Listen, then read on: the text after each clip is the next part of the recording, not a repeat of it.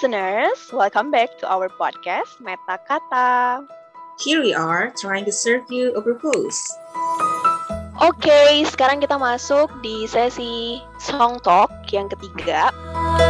Hari ini kita mau bahas tentang song yang berjudul Min ya dari Taylor yeah, Swift. Ini albumnya dari Speak Now ya, Beb. Bener. Kalau aku sih ngedengerin ini tahun 2013. Kalau kamu ngedengerin ini tahun berapa? Kayaknya ngedengerin ini, aduh aku lupa sih persisnya kapan, tapi kemarin itu dengerin lagu ini pertama kali pas masih di bachelor degree, masih tahun-tahun awal banget. Kayaknya deket-deket ah. waktu dia rilis juga sih. Dan itu dirilis tahun 2010 ya. Diproduseri oleh Swift bersama dengan Nathan Chapman dan lagu ini tuh kemudian dikirimkan ke radio country karena emang di sini genrenya emang country ya.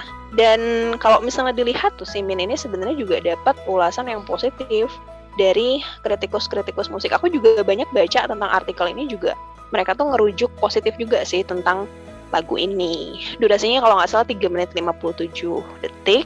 Label penciptanya adalah Big Machine itu adalah informasi singkat. Nah, hal yang menarik juga dari si lagu ini, ternyata dia tuh masuk ke dalam beberapa nominasi ya. Maksudnya kalau musik itu kan biasanya suka ada kayak dia menang Billboard kayak gitu-gitu hmm. kan. Terus kemudian dia masuk ke dalam tanggal lagu apa gitu. Nah, kalau misalnya yang aku baca juga dia banyak banget menyabet posisi puncak gitu dari rentang waktu 2010 sampai 2011. Jadi selama satu tahun itu banyak banget ada di posisi puncak, misalnya kayak di Australia, terus di Kanada. Kalau Kanada tuh lebih ke Canadian Hot uh, 100. Sudah gitu di Canada Country tadi seperti yang dibilang. Terus di Korea juga, di US itu di Billboard Hotnya. Terus di US selain yang Billboard Hot juga Hot Country Song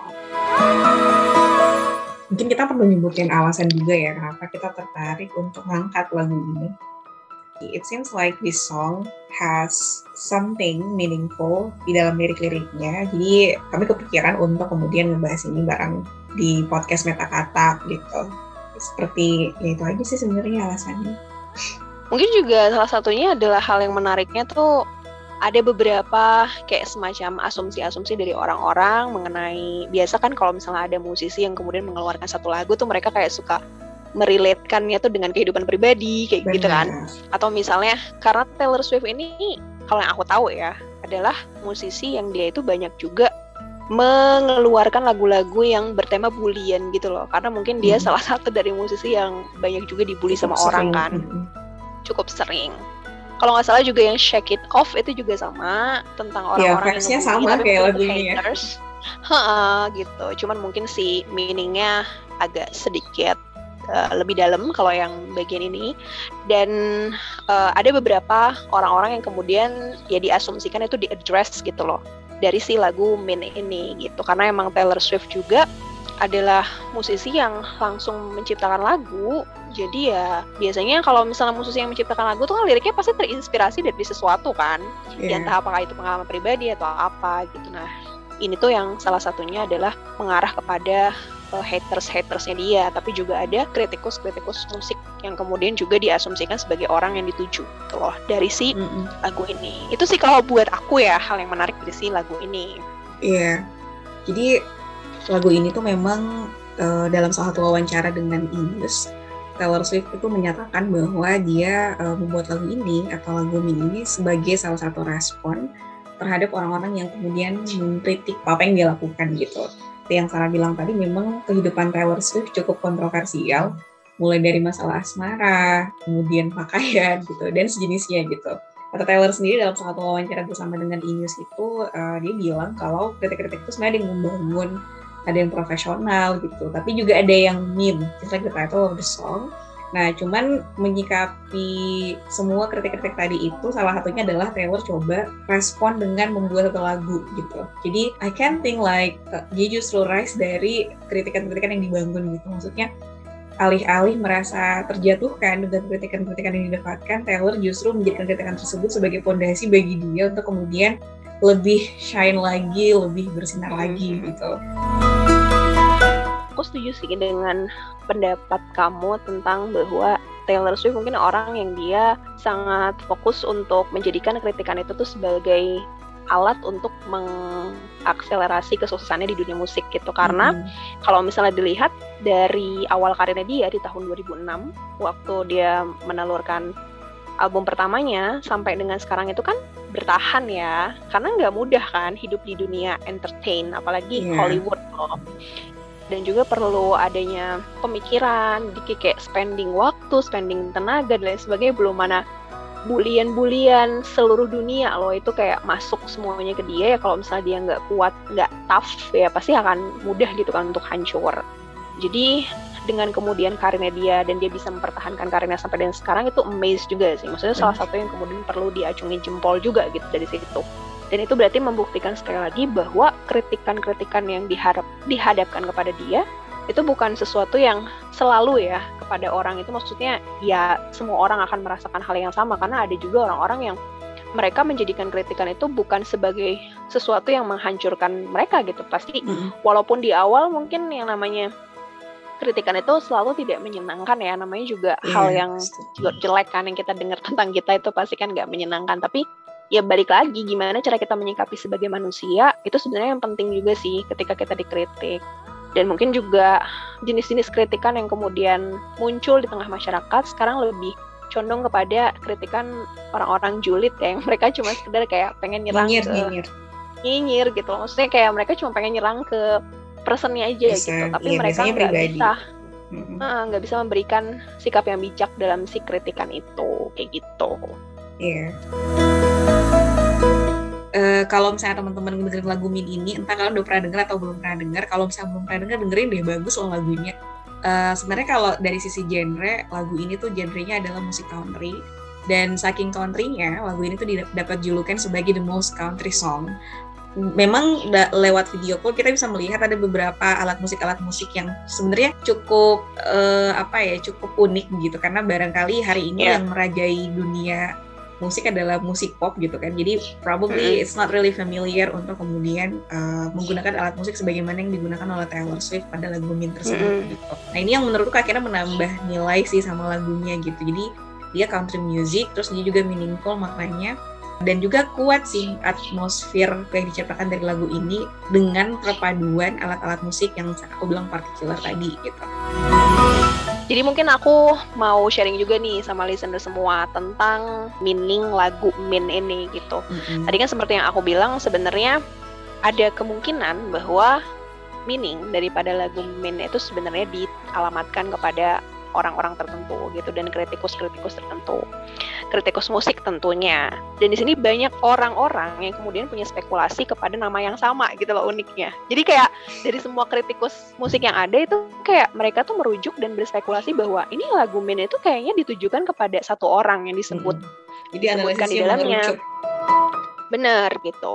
Karena kan sebenarnya ya logikanya banyak kan di antara kritikus yang lain. Cuma mungkin karena dia banyak dapat hal yang positif juga ya dari si lagu ini gitu tapi ada ada orang yang kemudian tetap berusaha untuk memberikan kritik yang buruk gitu sama Taylor nah itu kalau aku baca uh, jadi ada salah satu kritikus musik namanya itu adalah Bob Leves dan dia tuh punya semacam blog gitu di WordPress namanya hmm. adalah The Says letter. Jadi kalau misalnya listeners mau baca-baca tentang apa sih yang kemudian dia omongin gitu kan di dalam blognya, dan aku sih kalau misalnya sempat sempat ngeliat juga beberapa dari postingan-postingannya dia itu sebenarnya dari mulai semenjak awal tahun pertama banget waktu Taylor Swift itu meluncurkan album pertamanya yang Tim McGraw kalau nggak salah itu hmm. kemudian di situ dia udah membahas tentang Taylor Swift itu satu tahun setelahnya karena kan waktu itu kalau nggak salah uh, platform untuk kemudian bisa sharing dan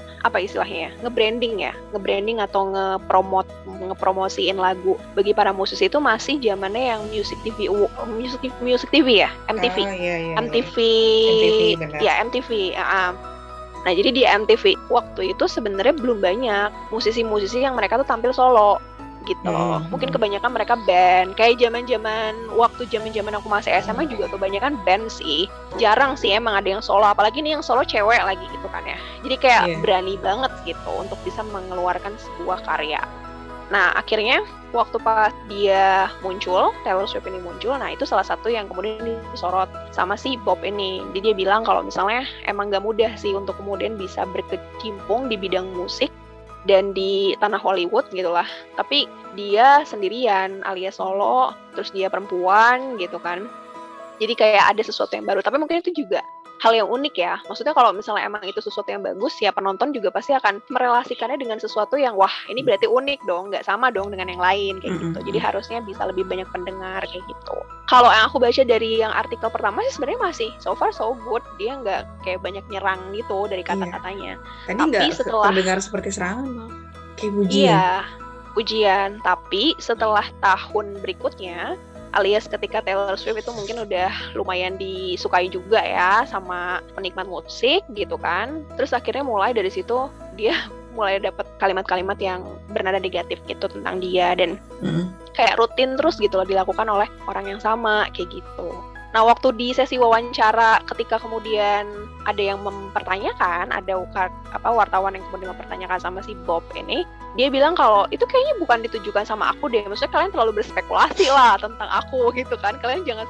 semata-mata karena aku sering nulis tentang itu gitu kan.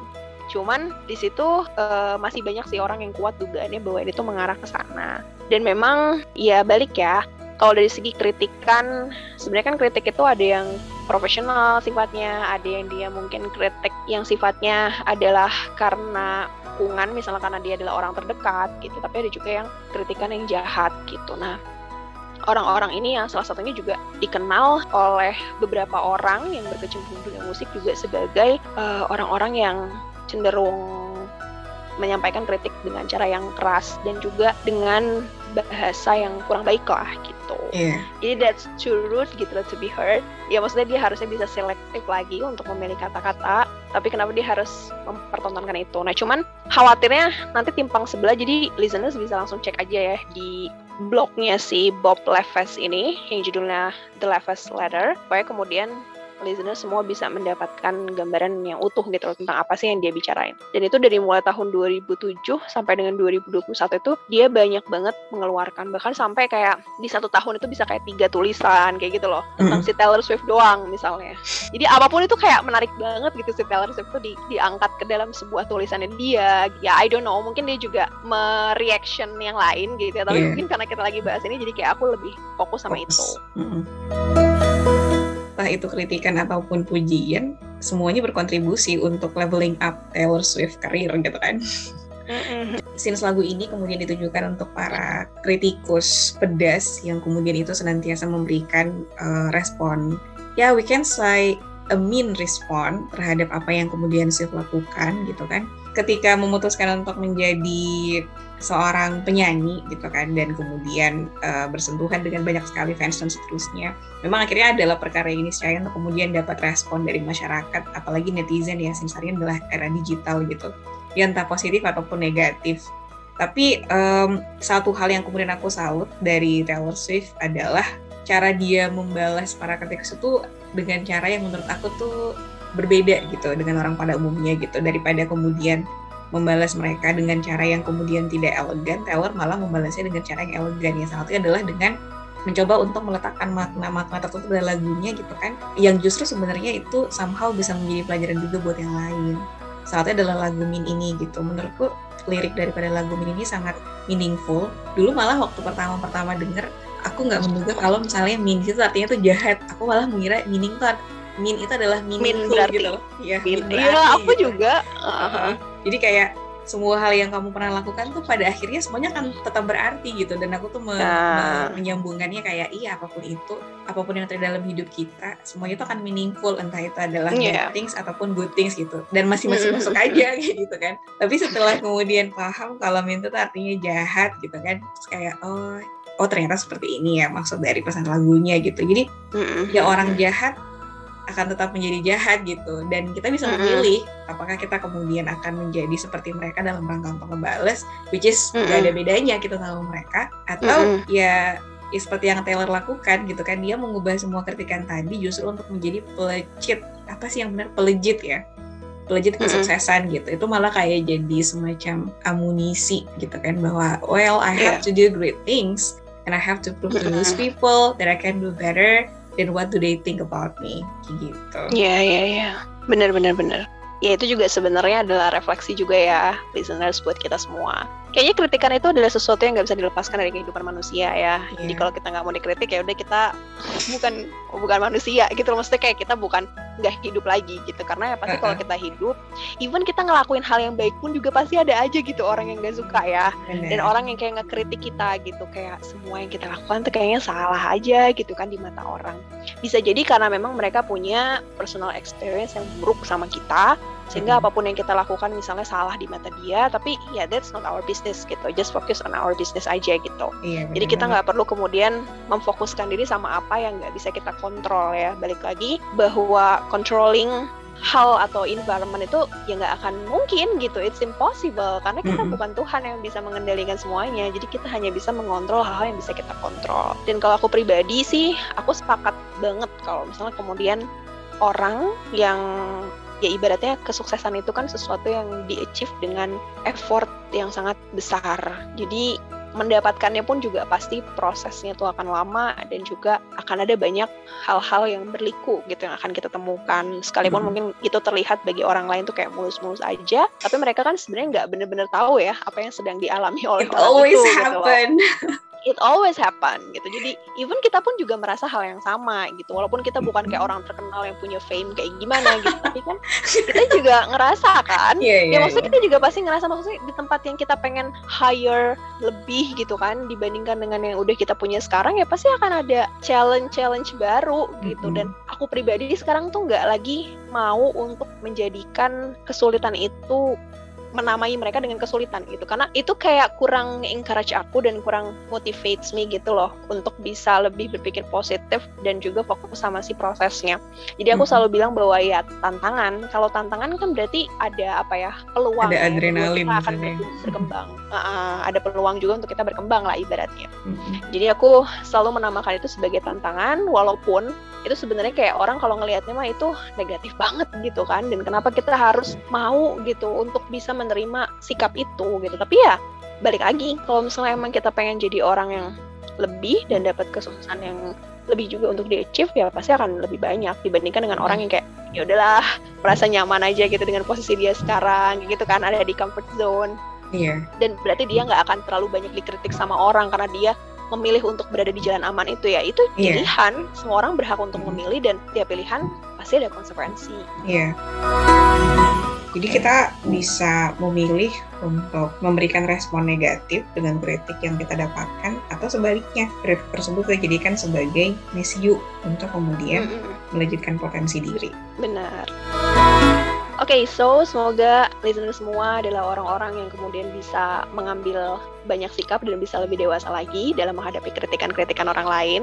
Yeah. Dan semoga kritikan-kritikan orang lain, apakah itu kemudian yang nyinyir atau mungkin itu yang profesional gitu ya, atau itu yang didasari dengan rasa cinta dan kasih, sabar itu ya yang bisa membuat kita sabar yang dinyinyirin. Tapi itu yang penting adalah bisa membuat kita menjadi orang yang lebih baik lagi dan kita bisa yeah. menyikapi kesuksesan itu juga dengan cara yang tepat. Jadi jangan lupa untuk terus Tim. mendengarkan podcast Meta Kata. Di pekan depan kita akan kembali ke sesi yang lain ya. Ya oke. Okay, okay. we'll see you again later. Bye bye. Bye.